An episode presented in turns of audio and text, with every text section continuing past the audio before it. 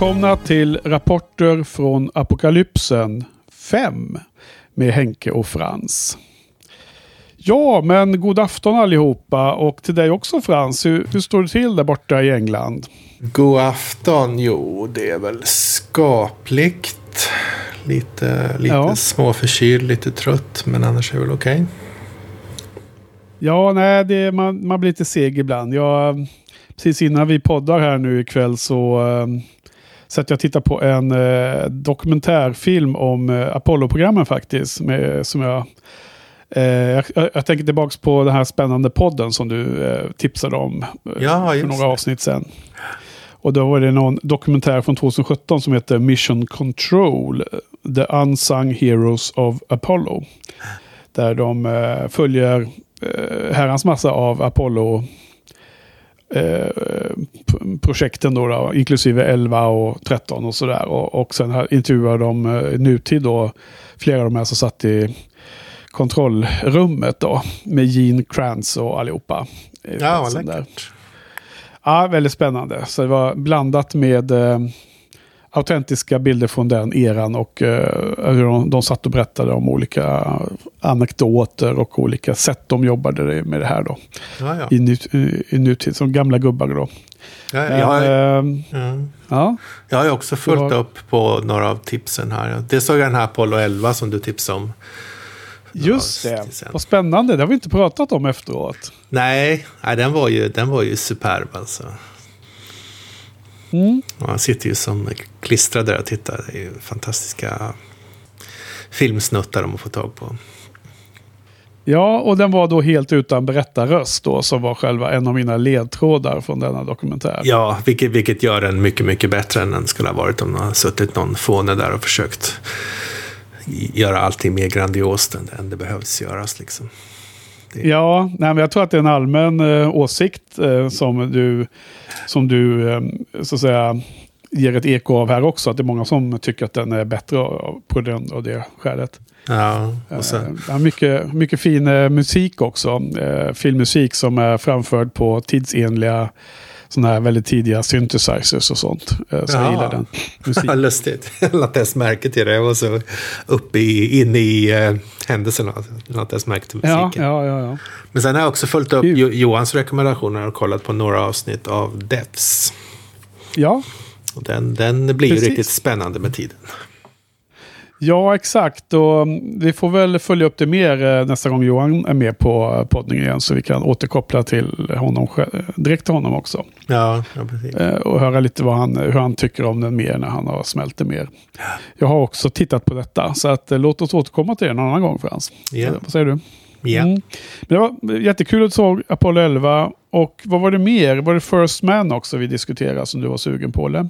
Ja, den var jag också sugen på, men inte med lika, lika stor eh, hunger som Apollo 11. Så jag har inte sett First Nej. Man än. Nej, men det, ligger, den på, eh, ligger den på listan som du eh, tänker dig se eller? Den ligger på backloggen där. Ja. Mm, Okej. Coolt, coolt. Ja, jag har själv börjat lyssna lite på den här eh, 13 minutes to the moon. Ja, ja. Och ehm, eh, de hade fyra stycken korta reklamsnuttar innan eh, podden börjar. Eh, det är ju BBC och jag lyssnar på dem. Eh, och sen har jag börjat lyssna på första programmet. Ehm, sen så känns det lite som att eh, det är nog perfekt att lyssna på när man är ute och går. En sånt där. Man har promenader eller något sånt. För det, det, det är svårt att eh, lyssna på dem medan man gör något annat. Då, eh, inklusive man jobbar till exempel. Så går det inte att lyssna på en sån podd. Utan man måste lyssna ordentligt och höra exakt vad de säger och sådär. ja, det är Så mycket det är inget, Man... ing- inget man har i bakgrunden direkt som du vet. Nej, det är mycket, mycket info där per, per Ja, tidsenhet. ja, det, ja. Nej, men det, det lät väldigt eh, angenämt, väldigt trevligt. Eh, så vi är väldigt sugen på det. Så det får tacka för det tipset. Ja, men du, på tal om tips då så ska vi börja med kvällens första ämne. Ja, Ehm, spännande. Och, jo, som du vet och som säkert många av våra lyssnare har snappat upp så är jag ju jätteförtjust i musik och eh, har ju mina favoriter. Eh, och Neil Young är ju en av de största, eh, mina musikaliska hjältar. Vad hette han? Så Neil? prata- Neil? Neil? Ja, Neil Young. Och Ja. jag tänkte prata lite om Neil Young i- ikväll. Frans. Eh. Nej, så att eh, musikintresset har ju återuppväxt eh, väldigt mycket de senaste åren. Och, eh, så jag har ju startat den här eh, film, när jag säger jag, film, en musikblogg också som heter onelouder.reviews. Som eh, alla som är intresserade av att se vad jag skriver om olika skivor gärna får in och, och titta på. Och nu så har jag ju eh, vad heter det, Neil Young Fridays. Så varje fredag så skriver jag om en eh, ny Neil Young-skiva på min blogg. Har du, eh, har du sett någon av de inläggen, Frans, eller? ja, det har jag gjort. Jag har nog läst de flesta skulle jag tro. Ja, ja. Det är ju... Jo, så eh, det intresset är stort. Och nu ska jag då tipsa om hans hemsida som heter neilyoungarchives.com. Och, eh, och det är nämligen så att det är ju en betalsajt faktiskt. Eh, han, har, han har lagt ut all sin musik där och en massa andra saker. Och det kostar en, en ganska billig peng. Eh, jag tror att det är ungefär 20 dollar per år. Vilket jag inte tycker är speciellt mycket. Men just nu när det är då isolation eh, times och coronavirus och allting så, så är den, kör, kör han den helt gratis. Så att det är ett tips här till lyssnare som är intresserade av musik och som är lite intresserade av Neil. Så att på den här eh, sajten då, då som länkar till i show notes, så eh, vid sidan av att kunna hitta alla hans eh, ja, vanliga skivor, studioalbum och livealbum som han har släppt genom åren. Och han har ju, ja det är otroligt lång eh, diskografi då på en, över 60 skivor i varje fall. Eh, allt det där finns då på högupplöst eh, på, på sidan som man kan streama i eh, högre, hög, mer högupplöst än en CD-ljud alltså. Han, han är ju notorisk motståndare till eh, såna här MP3 och så, att, eh, att eh, göra, ljud, göra ljudkvaliteten sämre. Okej. Eh, men vid sidan av att, att eh, man får tillgång till allt det då så har han ju också tillsammans med sin fru sedan några år tillbaka. Han eh, gifte sig 2018 med skådespelerskan Daryl Hannah. Som du kanske kommer ihåg från 80-talsklassikern Splash. Eh, Ja, eller från Ja. några Woody Allen i alla fall, va? Kanske inte just Splash dock. eh, Daryl Hannah, är hon med i Woody Allen? Jag inte, Ja. jag tänker jag på någon annan kanske. Ja, det, kanske blandar ihop dem nu, för Daryl Hannah är annars ännu mer känd från att hon är med i Blade Runner också. Och spelar en av replikanterna som Harrison Ford jagar där i, i denna framtidsdystopi. Ja, men jag, jag kanske inte alls känner till henne och blandar ihop henne med någon annan. Då. Ja, nej, eh, oklart. Vi får fundera på det. I vilket fall som helst så eh, har hon nu filmat, eh, eh, hon bakom kameran och filmar Neil i tre, eh, hittills tre då, eh, Fireside Sessions. Som är ungefär 30 minuter långa filmer som de lägger upp. Eh, där han har suttit och spelat eh, akustisk gitarr framför eldstäder. Alltså an, antingen en eld ute, ute på utomhus eller inne vid eh, brasan så säger i vardagsrummet. Väldigt, väldigt eh, trevliga, mysiga eh, små filmer som man kan ta del av där. Och allt det här är gratis just nu då. Eh, han har då också en, eh, eh som en eh, tidning då, som heter Neil Young eh, Contrar, eh, Times Con Contrarian, tror jag han döpte till av någon anledning. Lite oklart vad som är eh, skämtet där. Det, det känns som att det är någon ordlek. Eh, och där har han också Letters to the Editor som han själv är in och svarar ibland. Och väldigt spännande när man pratar om nya projekt eller nya skivsläpp och så. Eh, han hade bland annat, eh, innan corona slog till så var det planer på fem releaser i år. Och eh, av olika gamla konserter, eh, inklusive en eller två gamla outgivna LP-skivor från, från förr då som, blev, som blev cancellerade men som har legat kvar i, i lådorna så att säga som han och hans eh, team då håller på att gå igenom och eh, dammar av och sen ska släppa ut då. Men i och med att eh, LP-produktion och CD-fabriker och andra inte producerar på samma sätt nu då, utan det är någon paus i hela den här branschen så, så fick han också någon person som skrev in och, och, och liksom var orolig för att, jag menar, det, folk blir ju äldre och väldigt många av hans fans är ju, precis som han själv då, född på 40-talet. Och ja, man blir ju inte yngre som sagt. Och det var någon som skrev att han var liksom orolig att inte få någonsin höra de här skivorna som det planeras om att släppas de närmsta åren framåt. Så då bestämde han eh, hejvilt att ja, men jag, då ska jag släppa ut allting så fort det går ungefär på den här sajten då. Så nu lägger de ut eh, gamla konserter från olika turnéer tidigare och de släpper ut eh, så previews, en låt här och där från olika kommande live-skivor eller live-konserter eh, som kommer släppas på lämpligt format då. Om det blir Blu-ray eller DVD eller bara via sajten vet jag inte riktigt exakt. Men den är superaktiv alltså. Så alla som gillar Neil Young, gå in och kolla där. Ehm, det är gratis nu då och ett bra tillfälle att ta, ta del av. Ehm, de har en, eh, en film, eh, en biograf eh, i den här, på den här sajten som man kan klicka sig fram till. Och går man in på tidningen ehm, The Contrarian och på sidan fyra så är det, finns det mer film att ta del av. och så. Ja, så det var ett litet tips om uh, Neil och hans projekt där online. Mycket, mycket trevligt för en, en, en musikintresserad. Kul. Så vad säger du om det? Är det, är det någonting du skulle konsumera tror du eller? Eh, jag vet faktiskt inte. Det känns som att jag, jag får, jag har, um, jag har lyssnat så mycket på Neil Young, men, men det, jag, det finns ju vissa grejer jag tycker är bra, men det har jag ju redan fått av dig. Så att... Jag gillar ja. de här akustiska låtarna. Men det här, det här med Fireside, det lät ju lite spännande förstås. Ja, eh, tre stycken att eh, 30 minuter var har, eh, har kommit upp hittills. Och det verkar som att de lär väl köra mer där då. Och han bor ju uppe i Colorado nu, i bergen ovanför Boulder. Mm. Så att eh, det var någon som frågade hur han, hur han gjorde de här filmerna. Och då spelar de tydligen in då på någon handheld kamera och sen uh, har han väl sunkig uh, internetlina tydligen. Så att då, då ger, kommer det en person och lämnar mat och så får han ta med minneskortet. Och sen så, så åker den personen ner till Boulder och där, där sitter någon av Nils folk då och klipper ihop de här och lägger in lite reklam.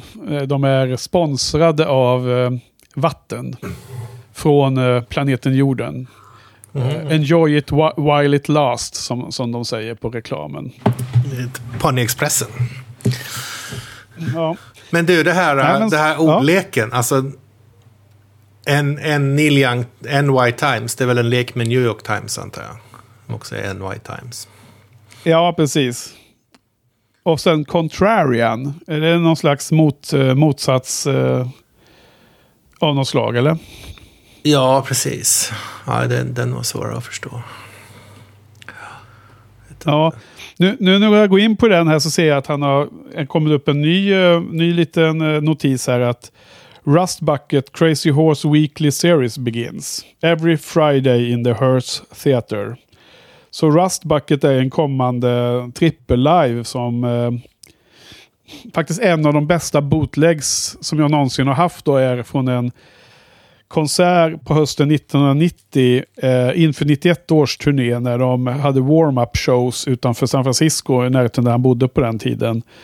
Och eh, helt ofantligt bra konsert. Eh, men sen innan turnén började så startade första Irakkriget och då ändrade han om hela setlisten till en mycket mer antikrigsorienterat. Och han lyfte bland annat in Bob Dylans Blowing in the Wind och han spelade lite andra låtar ur sin egen eh, backkatalog. Så att den här warm-up-showen då som var som kom ut på bootleg och som jag haft då, då eh, sen tidigare. Eh, innehåller massor med ovanliga låtar som man normalt sett inte hör live.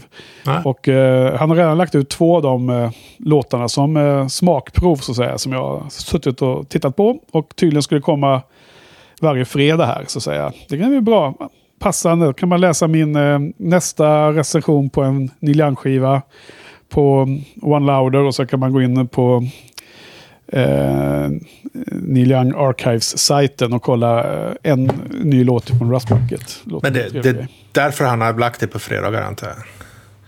Ja, precis. Faktum är att eh, jag har ju, jag gör väl inte så supermycket reklam, men jag brukar lägga upp, just när det gäller mina eh, skivrecensioner så lägger jag upp en eh, blänkare på Instagram. Då. Så jag har börjat använda mitt eh, Instagram-konto som en eh, liten kanal när det gäller min eh, musiksajt. Eller recensionssajt. Och eh, då brukar jag tagga då Neil Young Archives. Och så, de har varit inne och likat mina, mina poster ibland där. När det är Neil Young då. Så att eh, ja. nu, tro, nu tror inte jag att det är Neil Young som sitter och roddar med Instagram-kontot. Men jag, men jag tror att det är någon i hans team som gör det. Och jag tror att det teamet är inte oändligt stort liksom. Utan han har väl ett gäng på en handfull snubbar som håller på med de här. Eh, ja, gå igenom vad som finns i arkiven och, och göra ordning de här skivorna och de här släppen då. Ja, men han sitter då där. You know that guy from One Louder, can we get him over here? Ja, åka till Colorado och hälsa på goda vänner där. Så upp till Boulder sen och hälsa på Neil. Så vem vet. Men Daryl Hannah, är det, hon, är det hon som är i Osynliga mannen med, med Fletch? Ja, det kan nog stämma. Att hon är med Chevy Chase där. Ja, det är en, det är nog en film jag inte har sett, men jag, jag tror att jag kan se um, filmposten framför mig i, i huvudet. Så att, ja, det kan stämma. Hon, ja. hon har varit nog med där. Ja, ja du vet jag vem det är blond och ganska lång kvinna. Just det, ja, vad kul. Men jag måste fråga, var Neil Young med i det här Lady Gaga-projektet? Nej, jag tror inte det. Uh, var det något i helgen, va? En stor uh, musikgala? Ja, massa artister som spelade hemifrån. Ja, Mr Magic uh, mejlade om det att uh, Macca, Paul McCartney var med och Stones och Sir Elton John och så. Var det, var det den eventet eller? Ja, precis. Det var ganska kul faktiskt. Stone, Rolling Stone spelade You can't always get what you want. Nej. Och eh, Charlie Watts hade ingen trumset hemma så han spelade på, på han satte upp resväskor som trumset. Ja. Men så var det någon som klagade okay. på att de måste, det måste vara backtrack. Han kan ju aldrig få trumljud på de där resväskorna. Men, men grejen var att det låter, det låter precis som att han slår på resväskor. Okay. jag förstod. Kritiken kändes så... helt obefogad. Ja. Så att alla satt var i varsin eh, liksom, eh, rum eh, och spelade ihop via Zoom eller något sånt där, eller? Ja, precis, precis. Och det, det blir lite osynkat och lite så här rått, oförfinat ljud. Så att det hörs ju ganska väl att det inte är... Med risk ja. för att det, det, är pinsamt om det kommer fram att det verkligen var synkat. Men jag tyckte inte alls det lät synkat. Nej, jag tror att eh, Olof sa någonting om att McCartney spelar någon jättelångsam och annorlunda version av typ Lady Madonna eller något sånt där. Någon sån låt. Ja, okej. Okay. Den har inte jag sett. Det måste jag leta reda på. Ja. Och sen eh, var Elton John med också så. Honom gillar vi ju som person. Han var med och spelade från Trädgården tror jag. Okej, okay. nice. Nej, jag tror inte att eh, Neil Young var med. Men, jag, men eh, inte vad jag har hört i alla fall. Och då har jag helt missat det. Men jag såg att, att de hade varit med han har varit med i något uh, jippo som, uh, eller något liknande grej som uh, Willie Nelson hade arrangerat ganska nyligen. Också var någon välgörenhet. Häftigt. Så att, men det har jag inte sett. Jag har, inte, jag har glömt av att söka efter den på YouTube. Mm. Okej, men du, det var lite om musik om, om Neil Young då, som är en av mina största musikaliska hjältar och som är en av mina favoritartister. Eh, men jag tror du också hade eh, funderat lite på något med musik. Eh, som handlar om musik varje dag. Ja, lite knyta an till det vi pratade om på slutet med folk som spelar musik hemma. Och jag nämnde ju det också i en av de första avsnitten. Jag fick ju väldigt, ja. väldigt mycket frågor om just det. Nej, skämt. Det var inte negativt antal frågor i alla fall. Så, det var eh, alltså, du nämnde, eh, nämnde om uh, symfoniorkestrar som spelar hemifrån va? Ja, precis. Jag tänkte hur var det? Det var någon som spelade i ett hörn, eller hur var det? Det var någon liten smal dam som stod och spelade i ett hörn, sa du? Ja, ja, det var roligt för att man såg folks personligheter liksom på hur mycket de hur, hur mycket de tog upp rummet när de var helt ensamma. Och det var ja. en av violinisterna som hade trängt in sig i ett hörn och stod och spelade som hon var livrädd, livrädd liksom. ja, och ta plats ja. ja. Men jag, tänk, jag, jag tänk, tänkte gå igenom det lite tips på sånt som jag tyckte var kul av allt det som har kommit ut. Då. Ja, så kanske ja, vi kan, spännande. Någon, någon musik som du, som, det finns säkert musik som är din favorit här också som vi kan prata lite mer om i så fall. Först var det då... Ja, det finns, väl, eh, det finns väl klassisk musik som jag också är intresserad av, men som vi kanske kommer i, en, i en, någon annan rapport i framtiden kan prata mer om också. Ja, just det. Det var ju alltså, jag hade ju sett fram emot att se Ann-Sofie Mutter skulle komma och spela Beethovens stråkkvartetter här i London för några veckor sedan. Men det blev ju inställt ja. då. Hon, är, ja. hon, har, hon har ju varit på i ropet, eller i ropet kanske var fel, fel ordval, hon har varit i nyhetsflödet ganska nyligen för att, eh, om, du kommer ihåg att det var någon en, en uppmärksammad händelse när ett ungt fan hade tagit upp sin mobiltelefon och filmat henne. Detta har jag inte hört om. Detta har jag helt missat. Nej, så här, gärna. Det var ett ungt fan då som, som eh, var van, kanske var, var mer van att gå på populärmusikkonserter och sånt. Ja. Där det är ganska vanligt att man tar upp sin mobiltelefon och filmar, eller hur? Ja, det är det. Men, men Mutter, hon, hon lever i sin gamla värld. Och hon hade slutat spela och gett, henne, gett det här fanet en skrapa. Varpå ja. fanet hade rusat ut gråtande. Ja. Så att hon fick ganska mycket kritik för att hon inte kunde, kunde brygga förmå brygga över kulturerna, förstå, förstå vad som pågick där liksom. Ja, men vad då om man för första gången på 20 år har ett fan som är under 65 år, då ska man väl jaga iväg det fan. Det, det unga fanet. Så att man verkligen stämmer i bäcken och motar Olle i grind och sådär. Ja, precis. Precis. Så det, det, var lite, det var lite få. Jag tänkte på den här gamla filmen, kommer ihåg det? Diva, som vi såg i Uppsala-tiden. Ja, men jag såg aldrig den. Vad är, vad är detta för någon film? Jag, har svagt minne om titeln, men vad, vad, är det för någon film? Är, är den från eh, typ Italien någonstans, eller? Det är en um, operastjärna som, inte, som vägrar göra skivinspelningar för att hon tycker att uh, man ska höra, höra musiken live bara. Och så är det en kille som, som spelar in han, hennes konserter i smyg. Ja. Det är det, det är det filmen handlar om. Är det en svensk film eller? Den, jag tror att den är fransk. Ja. Fransktalande i alla fall. Så att jag, det, det, ja, ja. det, var, det var lite vibbar av det som att Motte levde kvar i den världen där ingen kunde spela in annat än för att dra vinning av. De förstod inte alls att det var folk som spelade in korta snuttar för att göra på Instagram. Ja. Nej, men det var ju, jag skojade mest lite där, men det känns ju också om du tänker på Mozart in the Jungle där, som, det är en lite mer modern tagning av, av den där världen. Så att det verkar vara, det finns väl alla varianter. Ja, precis. Men, men nu, nu hade hon i alla fall, istället för den här äh, stråkkvartetten som skulle ha blivit då, så hade hon tagit ihop äh, en, en, en kvartett och spelade hemifrån då i varsitt rum via Zoom, som sett som Rolling Stones. Ja, ja. Eh, ett utdrag ur den här kvartett, en av kvartetterna hon skulle spela. Och hon satt och spelade med munskydd. Så man undrar var, varför hon gjorde det. Och då, ja. då, då förklarar hon efteråt att hon var ju sjuk i corona då. Så hon hade munskydd, oh, hade munskydd för att skydda sin familj så gott det gick. Då. Jaha. Då, då blev det lite svårare att, att vara arg på henne. Ja, helt plötsligt så var ju den där unga, unga fanset var jätteelak. En ond människa. Nej, men det är i alla fall svårt att förbli, förbli ja. sur, sur på muttern och vet att hon lider av det nu då. Ja, det var ju, var ju trist. Alltså, hon är väl inte jätteung heller, den här stjärnan? Nej, hon är väl säkert i vår ålder och sånt, va? Ska jag tro. Jaha, okej. Okay, men det är inte... Så, så ganska ung. Där än så då. Ja, alltså um, har du hört det att um, Denver Broncos uh, största stjärna uh, Von Miller har ju fått coronaviruset? Det har jag hört, ja. Ja. Nu mådde han tydligen ganska bra allt det där, så det, det ska väl gå bra. Men det är väldigt så här, oroväckande. Han har ju dessutom isolerat sig mer eller mindre. Men eh, det var väl något om att han har haft några leveranser och så har han haft någon hantverkare hemma. Så det var väl inte 100% isol isolering då uppenbarligen. Oj då, nej.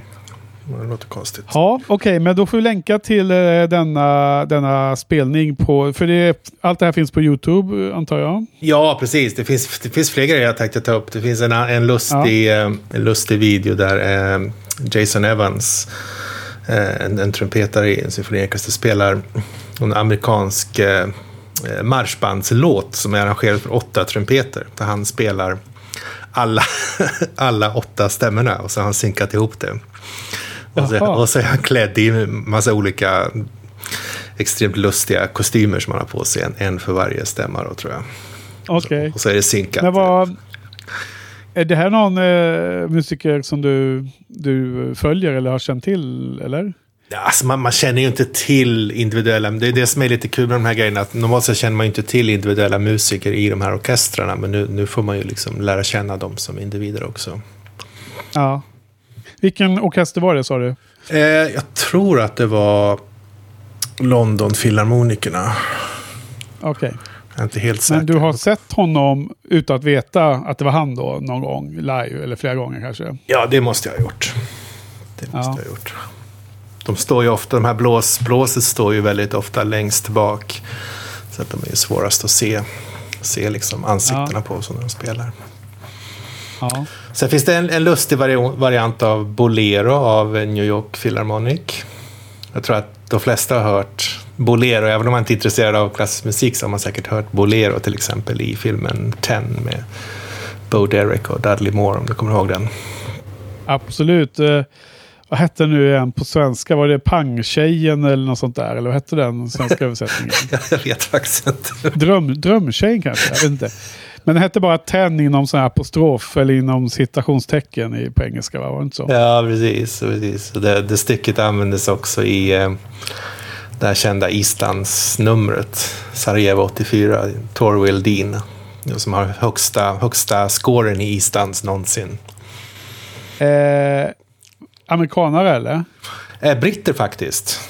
Väldigt ovanligt men, att okay, britter... Men var det, var det de som bröt mot uh, oskrivna regler i Islands?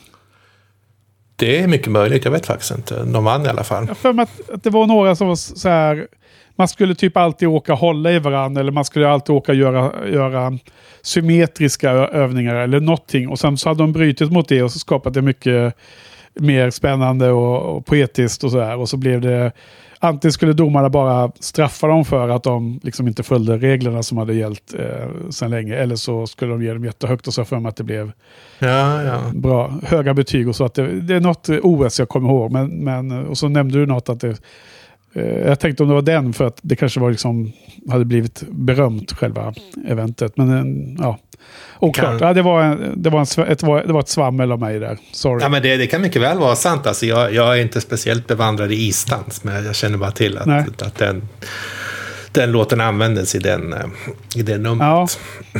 Och, hur, hur, hur, går Bolero? Hur går uh, melodin? Kan du uh, nynna den så vi uh, minns den? Oj då, jag är förkyld nu, men den går väl typ så här.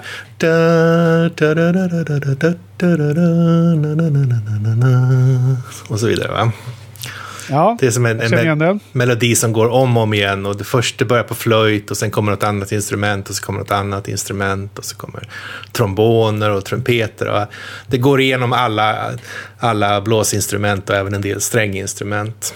Och för, förutom ja. då stackars basfiolerna som i 20 minuter får sitta och göra bom, bom, bom, bom. och, och den här uh, hjälten är ju han på, eller hon på virveltrumman som sitter och spelar den här bolero-rytmen. Ja. Ex, exakt rätt i 20 minuter. Men, och eh, det blir högre och högre crescendo. Det, går, det stegras hela tiden. Precis, precis. Men det, det man aldrig riktigt kanske lyckas utröna om man bara lyssnar på det är vilka instrument som spelar vad och så här. Men här har de gjort en förkortad version som är ungefär halva. Så de har väl tagit bort mittenpartiet antar jag. Jag har inte kollat så noga exakt vad de har plockat bort för någonting. Men där de liksom klipper in varje instrument för sig när man spelar. Så man får en väldigt tydlig bild av var, instrumenten kommer in och vilka instrument det är. Och så. så det tycker ja. jag kan vara lite kul att kolla på. Det, det låter spännande. Det är alltså Ravel, eller? Ravel, ja precis. Eh, just det. Eh, så det, det, det, har nästan stulit från den här klassikern uh, Stairway to Heaven. När det börjar med bara en gitarr och sen kommer det in fler instrument. Och så kommer bas. Ja, vilka, vilka instrument är det som kommer in där då? Ja, gitarr och bas, trummor kanske. och framförallt så är det ju lustigt nog blockflöjt va? De spelar ju melodi på blockflöjt. Ja, ja de, tidigt ja, precis. Jag observerar att jag inte har skrivit om eh, Led Zeppelin eh, 4, eh, fjärde skivan på eh, One Louder ännu. Men det kommer. Skivan finns i i, eh, på hyllorna. Det ligger en oändligt långa to-do-listan att skriva om alla skivorna, alla vinylerna jag har hemma. Vad, vad är det för film där de, de går in i en eh, gitarraffär och sen så står det ett plakat där? No, man, man går in i gitarren, man kan spela, testa gitarren liksom, står det plakat No Ja. Stairway to Heaven. Och sånt. Det låter som en jätterolig. Eh, jag, jag kommer faktiskt inte ihåg, eh, men det skrapar lite i minnet. Kan de ha, kan man ha sett någon sån scen i... Eh, nu ska jag se, nu sitter jag och smackar här, men alltså det finns ju en annan Stairway to Heaven-scen som är i Almost Famous, som blev en bortklippt scen. För att de, de fick inte köpa rättigheten, tyvärr. Ja, Men det kan ju inte vara den. Det kan Nej, inte. Efter- nej, precis. Är de ens i några musikaffärer där och tittar på gitarrer? Nej, men vilken film är det då? Har du, har du koll på det eller? Nej, jag, det var när du, när du nämnde Nej, Stairway to Heaven kom nej, jag nej. på det. Men eh, det är någon sån här komedifilm va? Det är säkert någon Ja, lys- men- lyssnare som vet. Då får vi kasta ut den frågan till lyssnarna. Eh, Din bror Mattias eller någon annan får komma och skriva in svaren. Eh, nej men i, i Almost Famous så ska ju han huvudpersonen förklara för sin mor vad som är så bra med eh, ungdomlig rockmusik då. Utspelar sig i första halvan av 70-talet. Och då spelar han ju Stairway to Heaven och, och det, ska, det är en jättebra scen. Eh, den finns ju då som bortklippt scen på DVDn. Och då måste man ju spela Stairway to Heaven själv på sidan eftersom de inte fick rättigheten att ha med den i filmen. Ja. Men om man, om man synkar upp det då så blir den scenen komplett. Eh, En liten. Ah, vad häftigt. Mm. Ja, ja okej. Det fick man se. Eh, Bolero var det alltså. Ja, då ska vi länka till det också. Precis. Har vi fler tips här. Jag kan hålla på länge vet du. Det finns, Ja. eh, det finns eh, Mark Vines från London Philharmonikerna som spelar eh, blås, bläckblås där också. Han har spelat Var var han ifrån sa du? Vilken orkester? London Philharmonic Orchestra. Ja, Han spelar, han spelar ett utdrag från Beethovens sjätte symfoni, vilket jag tycker är väldigt kul. Han pratar, alla de här pratar lite grann om, om styckena och så, om hur, deras instrument, vilket roll det spelar i styckena. Så att jag tycker det var kul. Och det som jag tycker var kul med att han spelar just Beethovens sjätte, det är den är inte så känd, eller alla Beethovens symfonier är jättekända, men den är inte riktigt, riktigt lika känd som den här tredje symfonin med och den här legenden kring Eroica. Precis, och legenden kring Napoleon och hur besviken han var över Napoleons... När han Ja. blev kejsare och det är väl så att eh, trean, femman, sjuan, nian är väl de mest kända va? Precis, femman är kanske den mest kända och sjuan den otroligt rytmiska, kraftfulla och, och nian som är som en... Ja. Eh, eh, har, har inte nian gått om femman lite med tanke på att den alltid kopplas ihop med EU och de här grejerna? Jo, den kanske har det. Ja. Ja. Frågan, frågan är hur många som... Jo, precis, bara, bara på att känna igen melodin så har nog den gått om, va? Precis. Det är klart att inledningen av femman är ju svårslagen. Ehm, nej, men jag var faktiskt och såg sjuan med uh, Buffypodden Johan. Han och jag var och såg den för några år sedan på, eh, borta på Berwaldhallen. Så det var väldigt njutbart. Ja, det är mäktigt. När de bara öser på där i sista satsen. Det är sån otrolig... Det är rock, rock'n'roll liksom. Ljudmatta. Det är som bästa, Ja. bäst, bästa Rolling Stones. Gimme Shelter. Ja. De skapar mat, ljudmattor liksom. Men sen ja, nian, är lite lustig. För det är, det är som en fantasinovell. Kampen mellan tungsinnet och glädjen. Och glädjen vinner i slutet. Ode to Joy, sista fasen. eller? Precis. Ja, precis. Det, inledningen till Ode to Joy är ju en basröst som sjunger. Nu får ni lägga av de här sura tonerna och nu får vi vara lite gladare. Och så börjar de, Ja. Börjar de liksom leta fram, det, det är som att de letar fram den här Ode Joy ur, ur liksom fragment tidigare från, från symfonin. Då. Ja, elegant.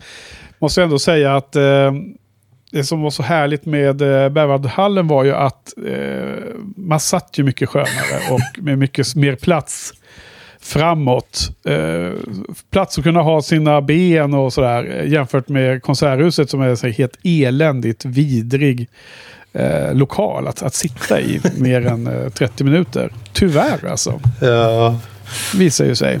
jo, ja, jag har ju gått så pass mycket. Jag vet exakt var man ska sitta i de ställena i London. Ja, ja Men här- nästa då? Ja. här, här var det ju då sjätte symfonin. Och det, jag, anledningen till att jag Ja. tycker det är kul är att det är nästan min favorit tror jag. Eller lite av en guilty pleasure kanske.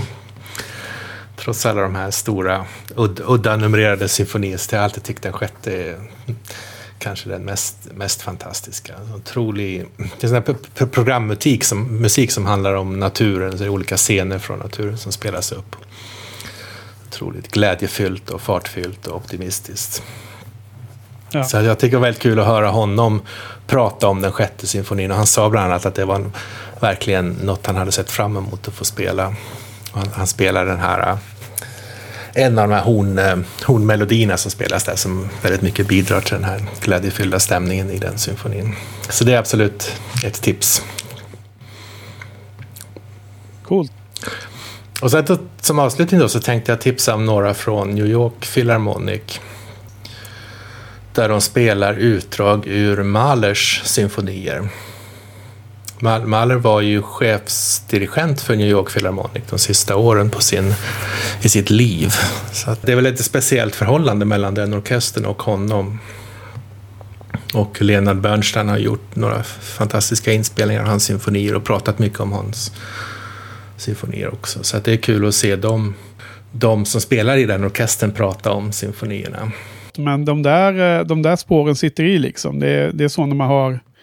Jag man liksom tror det. Alltså. För, för, för det där arvet vidare. Ja, precis. Generation. Ja, jag tror det blir så. För att det kommer in en ny person liksom, när, någon, när någon blir för gammal. Och så kommer det in en ny lite senare. Så att det, liksom, det är inte så, så himla många led som det, det sträcker sig de här hundra åren. Nej. Hur många symfonier gjorde Mahler då?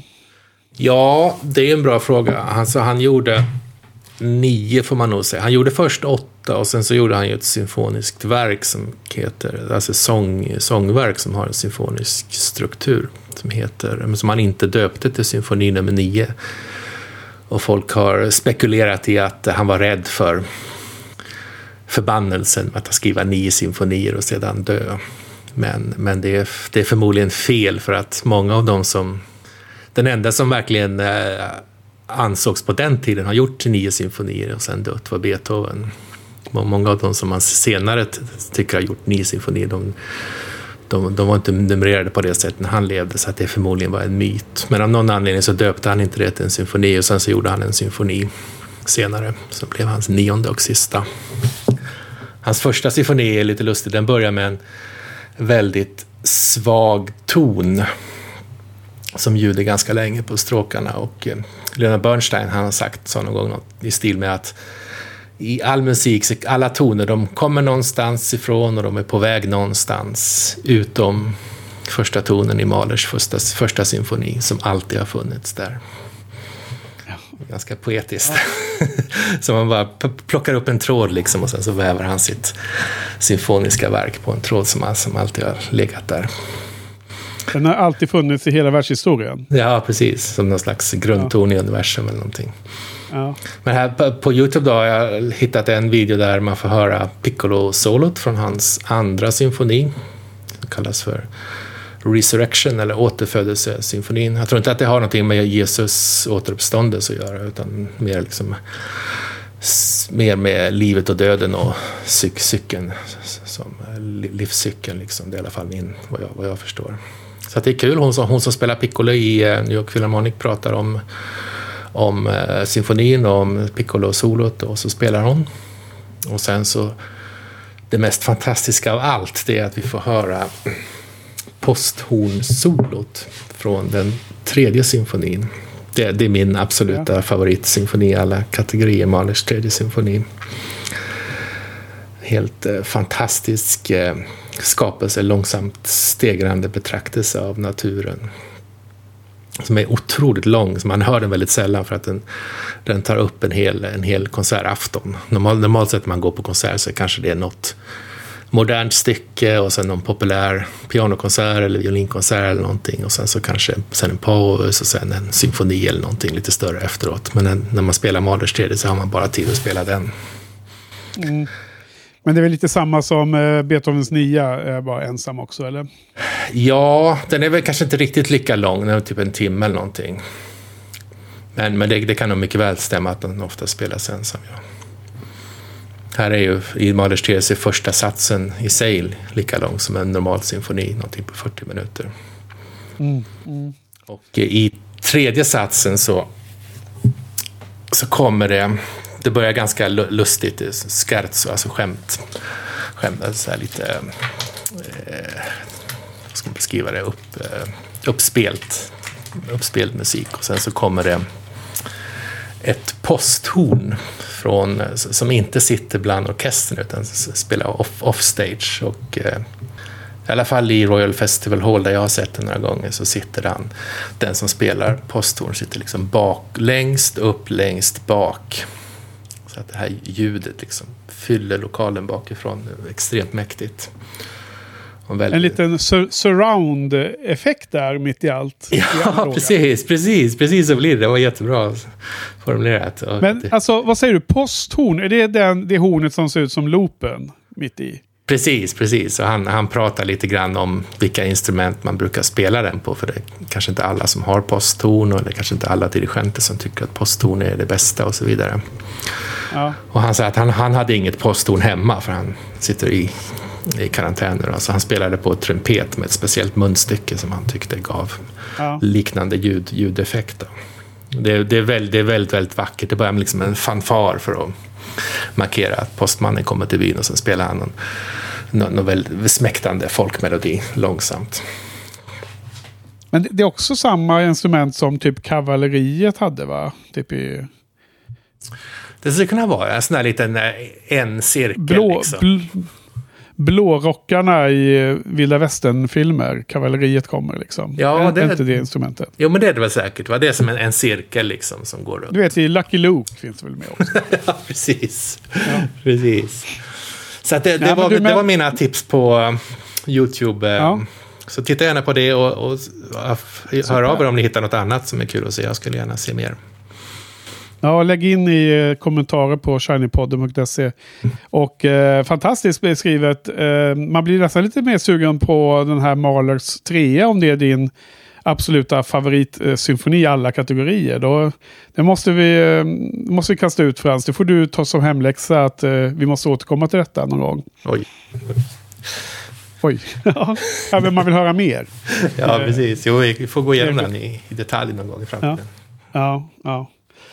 Ja, nej men eh, nice. Då har ni fått lite eh, variationer, lite modern musik och, eh, eller ja, modern och modern, modern och modern, men så pass modern som Neil Young nu kan vara. Och så lite mer av den mer klassiska sorten, nämligen klassisk musik som Frans bidrog med. Ja, men då var vi kanske klara med dagens rapport från apokalypsen, va? Ja, jag tror det. Ja, tack Frans för ikväll och Henrik. tack till publiken. Så på, hörs vi igen när andan faller på. Adjö. Ja. Hej.